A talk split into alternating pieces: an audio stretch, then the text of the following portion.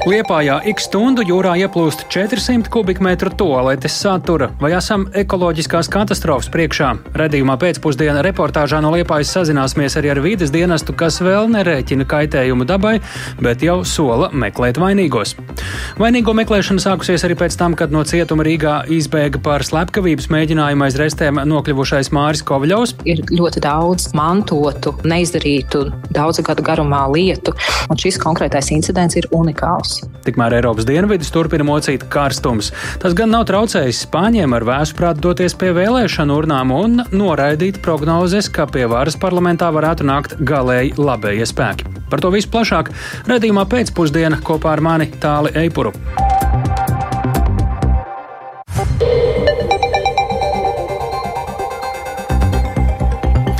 Ir 16,5 minūtes skan ziņu raidījums pēcpusdienā, skaidrojot šodien svarīgus notikumus. Studijā tālāk Eipors. Labdien! Šobrīd tiek darīts viss iespējamais, lai pēc iespējas ātrāk novērstu neatīrītu notekūdeņu noplūdi Baltijas jūrā. Tā šodien Liepājā uzsvēra pilsētas domas priekšsarātājs Gunārs Ansiņš. Vakar Liepājā pievakarē sabruka notekūdeņu attīrīšanas iekārtu pirms attīrīšanas rezervāra siena, līdz ar to daļa no neattīrītiem ūdeņiem joprojām turpina ietecēt jūrā. Tas ir nebijis gadījums. Turklāt tas nav saistīts arī ar krasta eroziju. Iemesls drīzāk meklējams pašā konstrukcijā. No Liepājas plašāk Inga Ozols ierakstā. Mierīgs jūras vējš un viļņu šalkoņa šķietami neliecina par katastrofu, ko liepājas notekūdeņu attīrīšanas iekārtas piedzīvoja svētdien. Šobrīd jau tur tiek vēstas smiltis, tiek zāģēts un remontēts, lai nenotiktu neattīrītu notekūdeņu noplūdu jūrā. Jau notikuma vietā sarunājos ar liepājas ūdens vadītāju Andi Dejus, kurš stāsta, ka notekūdeņu pirmsatīrīšanas rezervuāra siena sagāzās ap puspieciem vakarā. Notekūdeņi, kas atradās sabrukušā rezervuāra sekcijā, no noticēja turpat uzņēmuma teritorijā. Pēc tam uh, mēs atvērām avārijas izēju uz jūru. Kurā vietā tas no, iztek jūrā? Teka viena, maz, viena daļa teka no pilsētas notekūdeņiem, ja mēs cenšamies pamat notekūdeņus atbalēt pilsētas kanalizācijas tīklā, kas pēc apjoma ir apmēram 20 tūkstoši kubikmetri, kas plus mīnus ir apmēram divu dienu pilsētas kanalizācijas notekūdeņu apjoms. Savukārt izlaide jūrā ir 1,3 km no krasta atrodas. Un tas, kas iztek, tas iztek diezgan tālu jūrā. Jā. Tad tas nav pie paša krasta nē, līnijas. Tas, nē, mums izvada, pie kam gals nav viena caurule, tur speciāli sistēma izkliedējoša, kas izkliedē notekūdeņus arī tīros notekūdeņus, kurus mēs nevaram jūrā. Pašlaik gan jūrā turpina izplūst neattīrīti notekūdeņi, tāpēc paredzēts izbūvēt pagaidu kanalizācijas vadu.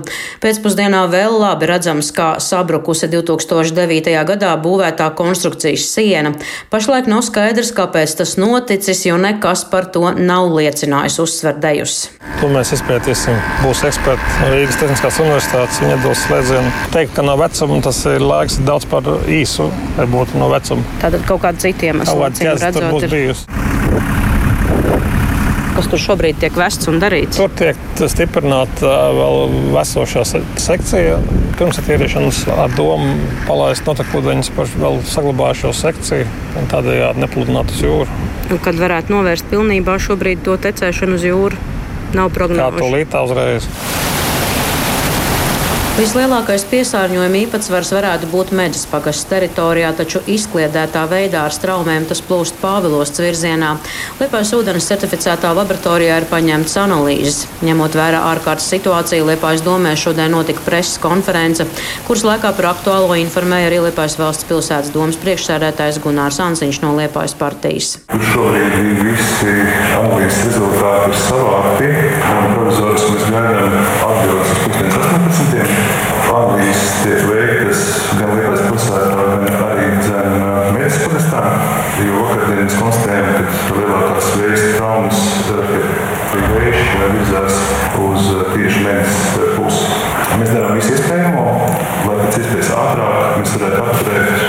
piesārņojumu izplešanos Baltijas jūrā. Kaut arī aptaujātie liepainieki pauda bažas par piesārņojumu, tomēr cilvēki bija saprotoši. Nu, viss, kas gadās, labi, ka mēs neesam Ukrainā, labi, ka bumbas uz galvas nekrīt.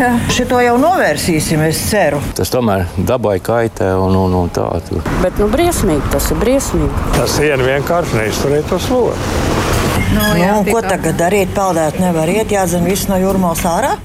Liepājas reģionālās slimnīcas vadītāja Līga Priedena aicina cilvēkus neiet peldēties apdraudējuma zonā, lai nebūtu saslimšanas riski. Biežāk šādos gadījumos konstatē zārna infekcijas. Dienvidkurzemes novada pašvaldība informēs iedzīvotājus, lai viņi maksimāli samazina ūdens patēriņu. Līdz pat Pāvilostai piekrastē tiek izvietots arī informatīvas zīmes - peldēt aizliegts. Ingozola Latvijas radio Kurzmē. Šobrīd redzējumā pēcpusdienā esam sazinājušies ar Kurzemes reģionālās vīdes pārvaldes direktori Evītu Šestakovu. Labdien!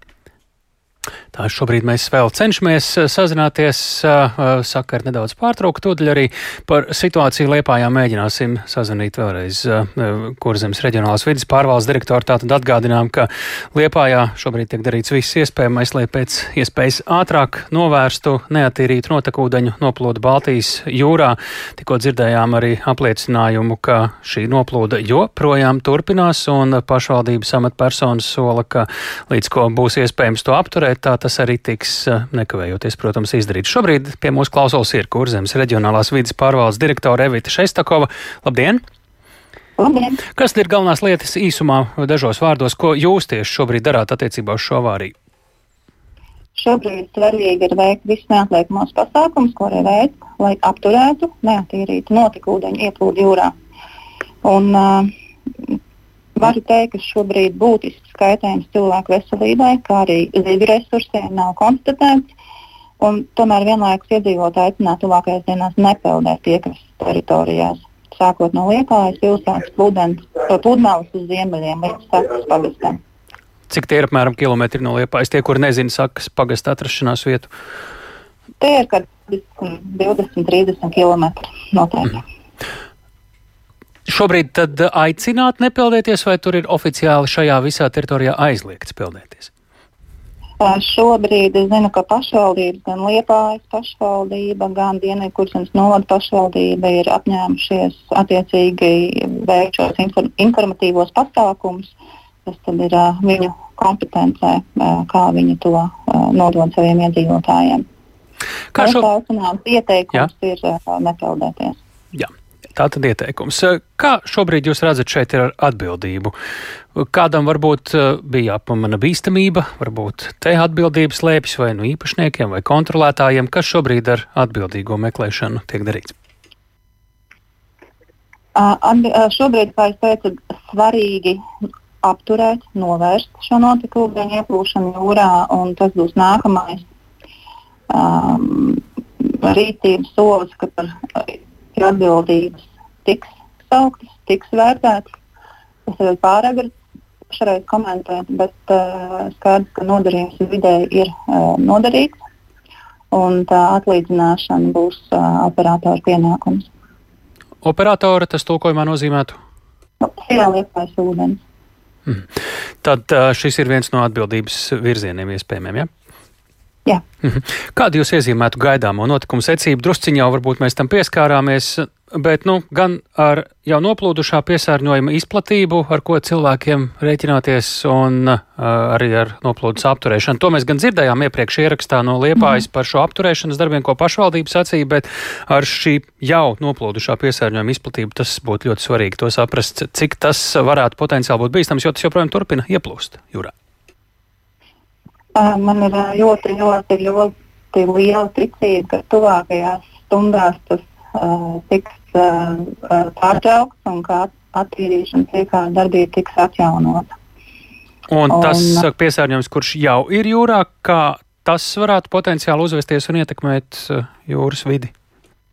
Uh, viņam vajadzētu izkliedēties, jūrai vajadzētu ar to tikt galā.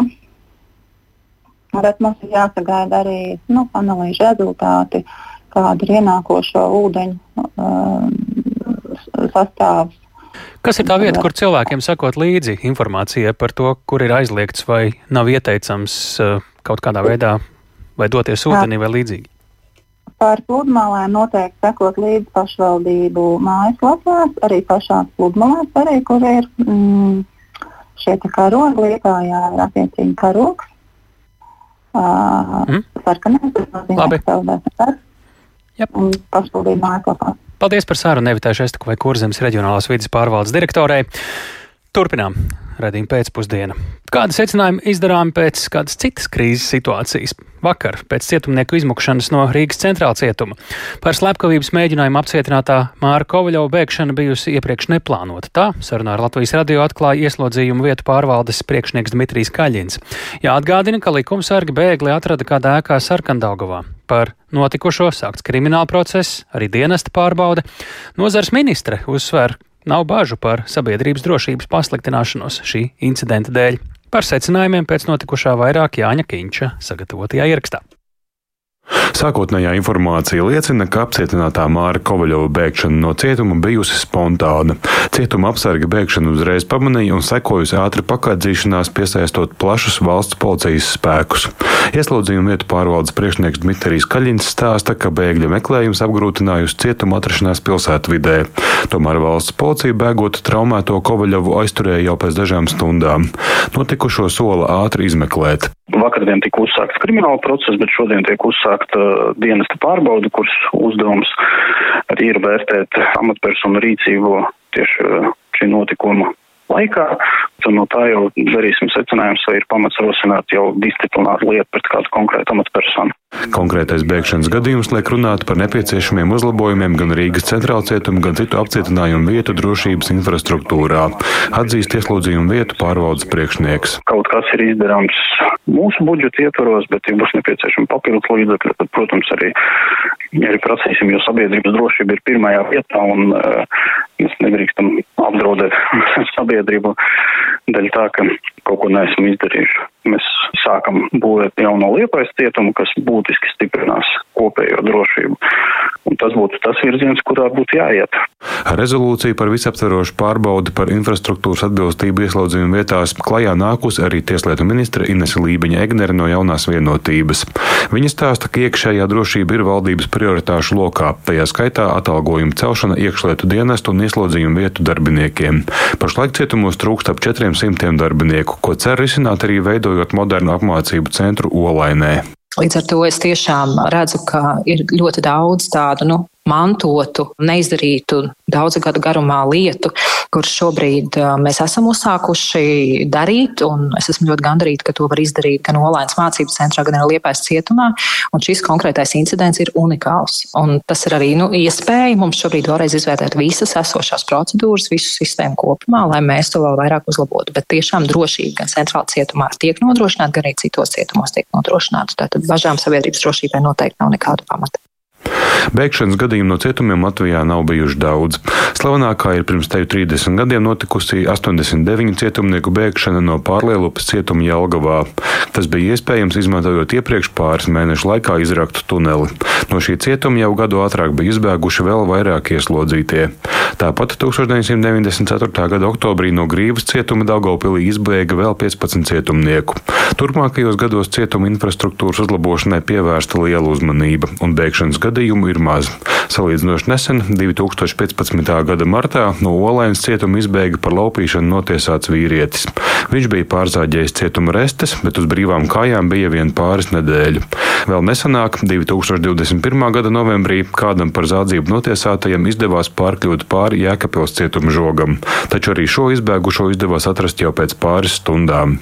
Cietumnieku izbēgšanas gadījumu mazais skaits norāda, ka drošības situācija un cietumnieku uzraudzība ir pietiekama. Tā vērtē kādreizējais valsts policijas priekšnieks, asociētais profesors Rīgas Stradī Universitātē Aldis Lieljuksis kaut kāds uh, moments ir bijis, ko tas ieslodzītais ir pamanījis un veikli izmantojis. Tas nav bijis saistīts ar kaut kādu iekšējo atbalstu veikšanai Tas, ko no pozitīvās puses es varu teikt, ka tajās situācijās, kad bija tie bēgšanas gadījumi, nu, vēsturiskie, jā, bija ļoti grūti, kamēr manuāli sameklēja tos ieslodzīto uzvārdus, fotogrāfijas, adreses, iespējamās parādīšanas vietas. Tagad tas notika ļoti ātri, jo arī ļoti ātri viņa aizturēja. Faktiski tagad cietums ir cietums cietumā, tur eh, dubultājs, izmantojot situācijas, jau tā izbēgšanas iespējamība pastāv. Tā mēs redzam visā pasaulē kaut kur kāds aizmūgs. Pēc cietumnieku izbēgšanas sākto pārbaužu rezultātus Tieslietu ministrijā sagaida jau tuvāko nedēļu laikā. Jānis Kincis, Latvijas radio. Sarežģījumi šodien radās vienam no vairākiem Latvijas futbola klubiem, kuriem šonadēļ jāizvada spēles Eiropas sacensībās. Paredzēts, ka pirmās spēles UEFA konferences līgas kvalifikācijas otrajā kārtā jāizvada četrām Latvijas komandām. Šodien parādījās šaubas par virslīgas vicelīderu RFS gaidāmo spēli pret Azerbaidžānas klubu Sabah. Plašāk par to jau tūdaļ sarunāsimies ar kolēģi Māri Bergu. Sveiks, Māri! Sveiks, tālāk, sveicināti klausītāji. Par kādiem sarežģījumiem tad ir, vai varbūt jau bija runa attiecībā uz šo spēli, un vai tās noris ir vai bija apdraudēta?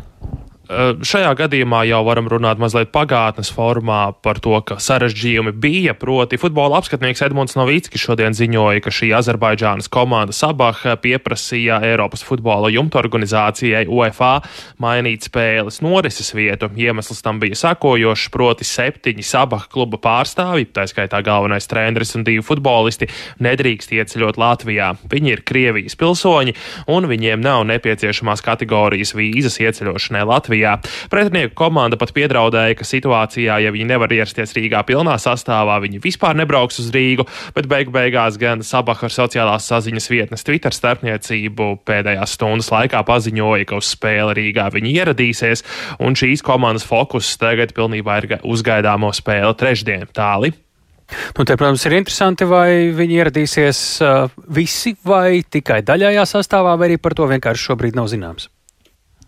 Par to pilnīgas skaidrības šobrīd nav. Diemžēl ar RFS pārstāvjiem pēcpusdienas gaitā nav izdevies sazināties, um, tātad, ar, bet arī Latvijas Futbola federācijai nav pilnīgas skaidrības par to, kā tas viss notiks. Um, skaidrs ir tas, ka Rīgā ieradīsies tie spēlētāji un kluba darbinieki, kas drīkst ieceļot Latvijā, nu, taču domājams, ka Azerbaidžāns klubs pilnīgi noteikti strādā pie risinājuma, kā uz Rīgu nogādāt arī šos septiņus cilvēkus, to starp savu treneru korpusu, uh, kas formāli formāli nemaz nedrīkst ierasties Latvijā. Kā izteicās Latvijas Futbola Federācijas prezidents Vadims Ļašenko, pretinieki varētu lidot uz kādu citu Eiropas Savienības valsti, kur viņi drīkst ieceļot, un tad tranzītā ierasties Latvijā.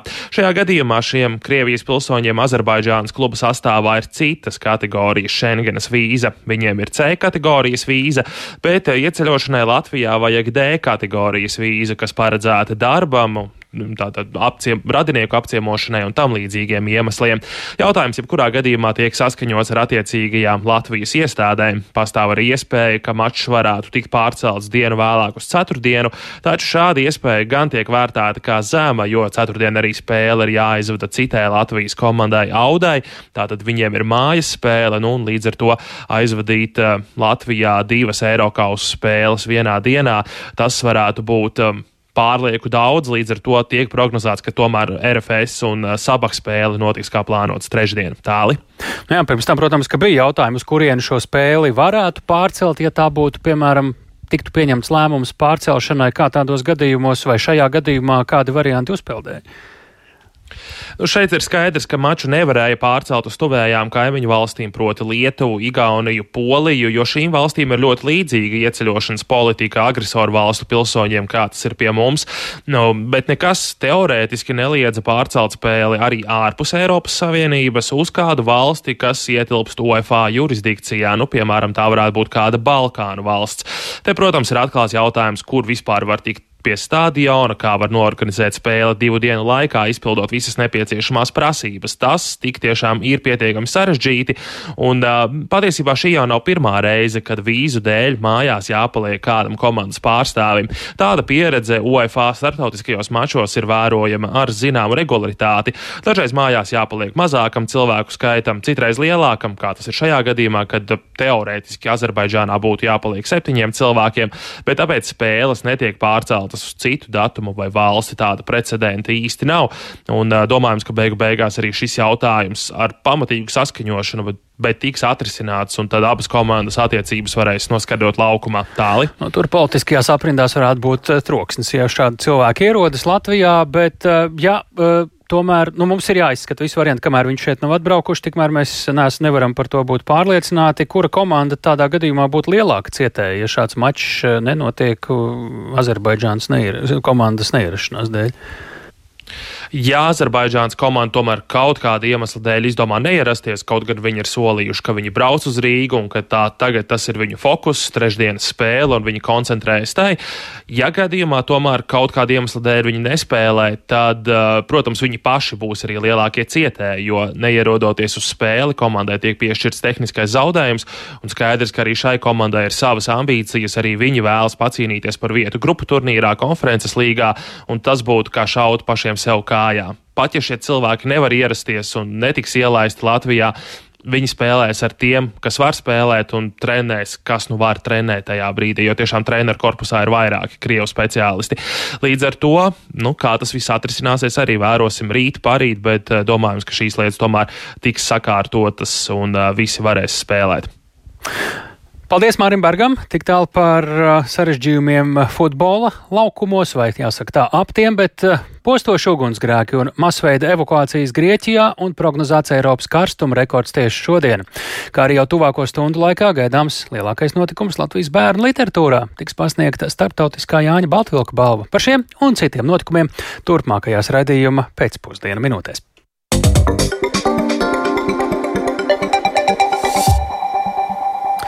Galēji labējiem politiskajiem spēkiem visticamāk neizdosies nākt pie varas Spānijā. Tas ir viens no galvenajiem secinājumiem pēc vakar notikušajām ārkārtas parlamenta vēlēšanām. Tomēr vienlaikus nedz labējo, nedz kreiso partiju bloks nav ieguvis pietiekami daudz balsu, lai ātri varētu izveidot valdību. Tādēļ gaidāmas sarežģītas sarunas. Lai skaidrotu politisko situāciju Spānijā un tās potenciālo ietekmi uz pārējo Eiropu, esam sazinājušies ar mūsu Brīseles korespondentu Ārķomu Konohovu. Labdien, Ārķom! Kādēļ ir tāda savāda situācija, ka Spānijas vēlēšanās eh, mēs redzam uzvaru svin uzreiz abi konkurējošie politiskie spēki? Labdien, tālu, labdien, klausītāji! Tik tiešām tā bieži negadās redzēt, ka abi konkurējošie spēki svin uzvaru un saka, ka viņi ir uzvarējuši un ka viņi varēs turpmāk vai nu nākt pie varas, vai nu palikt pie varas, bet tā šoreiz ir noticis Spānijā, jo faktiski nevienam ne otram blokam nav izdevies iegūt pietiekami daudz balsu, lai varētu vienatnē vai ar kādu vienu partneri izveidot koalīciju. Tamdēļ arī tiešām ir paredzamas pietiekami sarežģītas sarunas. Ja iepriekš daudz brīdināja, ka pie varas varētu nākt Tautas partija un viņi varētu apvienoties koalīcijā ar galēji labējiem, ar partiju Vox, tad šī prognoze nepiepildījās un šīm divām partijām kopā tomēr nesanāks vairākums. Tāpat vairākums nesanāks arī Spānijas sociālistiem, kas ir valdījuši līdz šim ar viņu līdzinējiem partneriem, viņiem būs nepieciešams atbalsts arī no vairākām reģionālajām partijām un arī no, no, no Katalonijas partijām, tostarp, kas ir sarežģīts jautājums. Bet tomēr viens no Spānijas valdības ministriem, Feliks Bol Bolano, es atvainojos, Feliks Bolanois, ir sacījis, ka tomēr šī ir Spānijas sociālistiem uzvaras diena. Paklausīsimies! Spāņi ir skaidri izteikušies.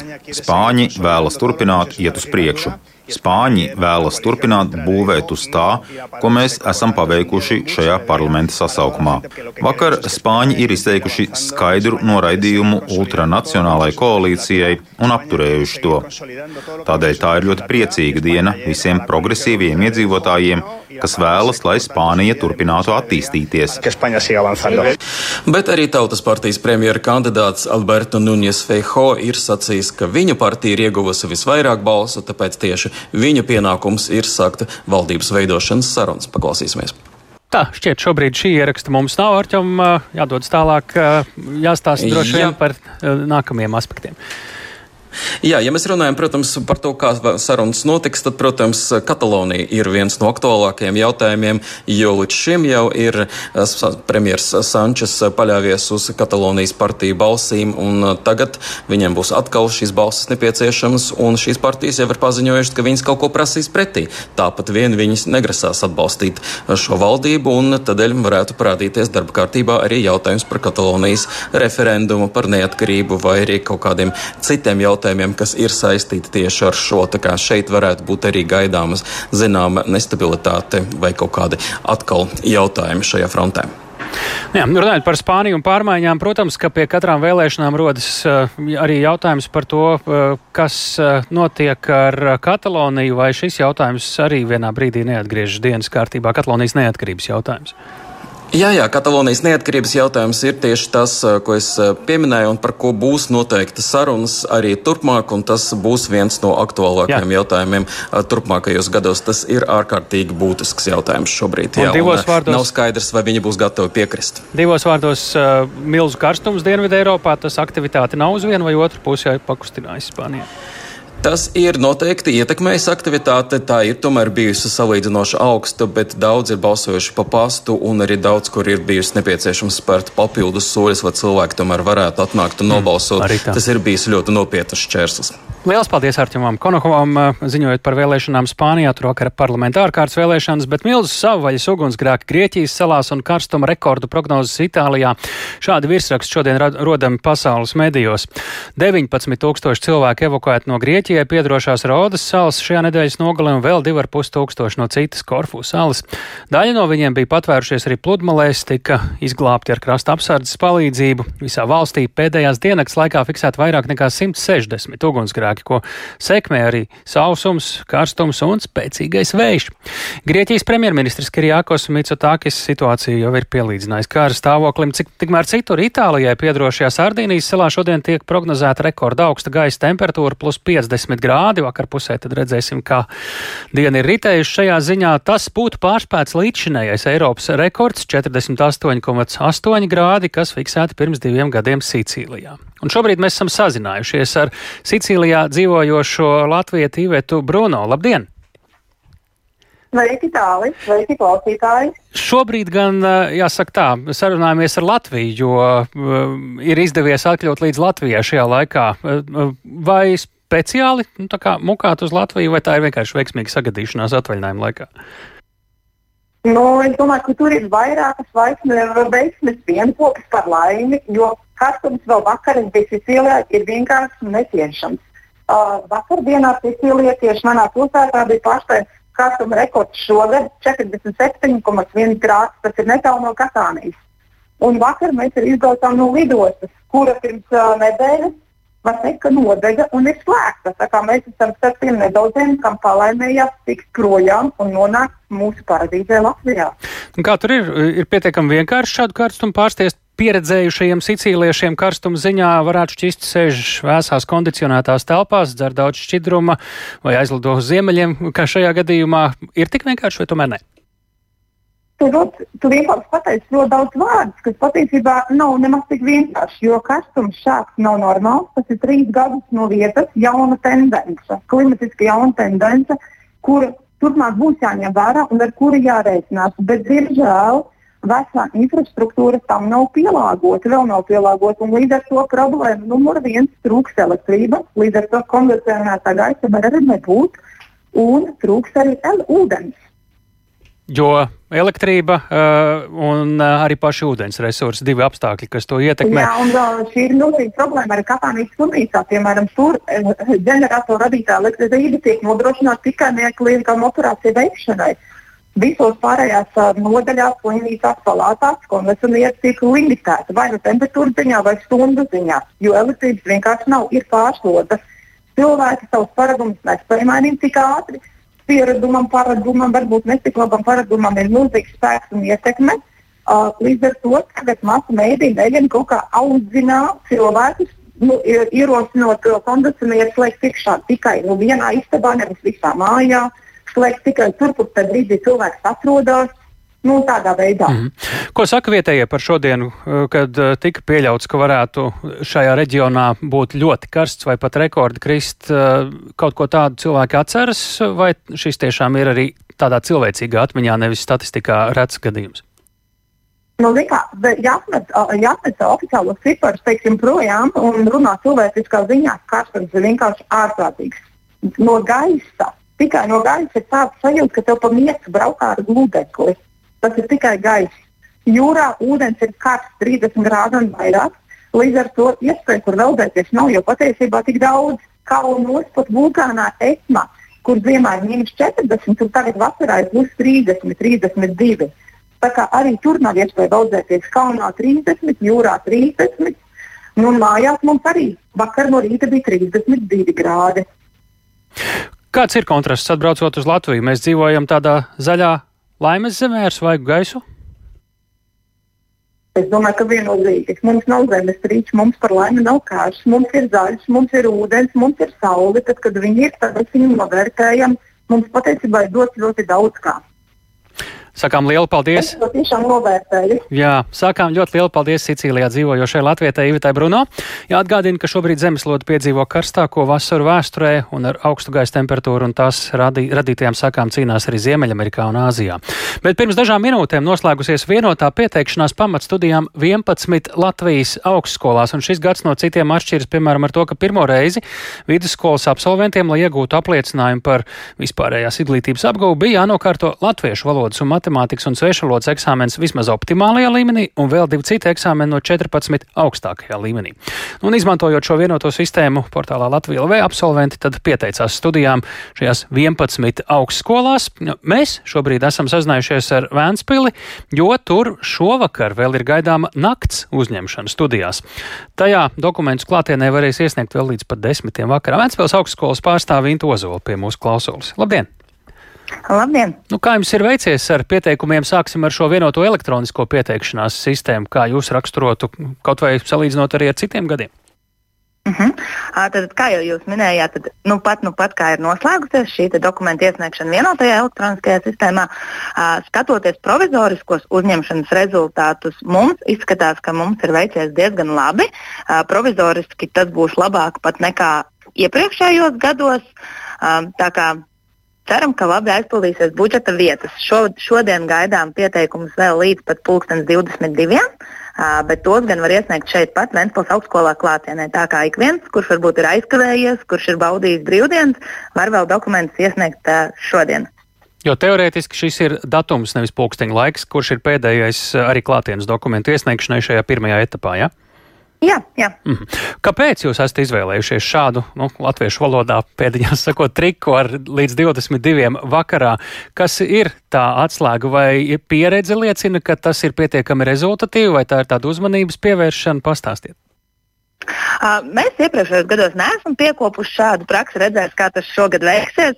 Uh, bet šoreiz tie datumi arī tā sakrituši, ka brīvdienas pa vidam, un tad varbūt kāds, kurš ir aizkavējies, kurš ir piedalījies geto geimā, varbūt uz liepāju braucis, tad gaidīsim ikvienu, kurš ir aizkavējies, uh, lai var paspēt iesniegt šos dokumentus. Tāpat arī līdz šim tā pieteikšanās maģistra studijām bija sūtot pieteikumu elektroniski, bet ik viens, kuram varbūt ir jautājumi, kurš ir strādājošs cilvēks, tad var paspēt arī pēc darba laika atnākt, pajautāt visu, kas viņam vēl ir neskaidrs, kas ir interesējošs, un iesniegt šos dokumentus un saņemt visas atbildes uz varbūt netik skaidriem jautājumiem. Tātad šie visi, kuri šodien gan elektroniski, gan vēl līdz Vēncpils gadījumā 22 um, varēs uh, pagūs pieteikties, uh, tad tie piedalīsies šajā pamatkonkursā par uh, iekļūšanu Vēncpils augstskolas studentu rindās, bet uh, uh, arī gan jums, gan droši vien arī citur Latvijā ir vēl šī, nu, nezinu, tā varētu saukt par otro kārtu simboliski. Ja? Jā, uh, jā, protams. Šo piekdienu jaunieši uzzinās rezultātus par konkursu pirmo kārtu. Attiecīgi viņiem, viņi saņems piekdienā no 17. saņems īziņas un ēpastus par to, kuru studiju vietu viņi ir ieguvuši. Ja viņi ir apmierināti ar to vietu, kur viņi ir ieguvuši, viņi apstiprinās tā, savus rezultātus un nāks slēgt līgumu. Savukārt tie varbūt, kuriem nav izdevies iegūt kāroto vietu, tie varēs pretendēt uz konkursa otrās kārtas tad, uh, atlikušajām studiju vietām. Mm. O, starp citu, jums šobrīd, vai jūs jau redzat populārākās programmas, uz ko ir pieteikušies jūsu augstskolā provizoriski? Jā.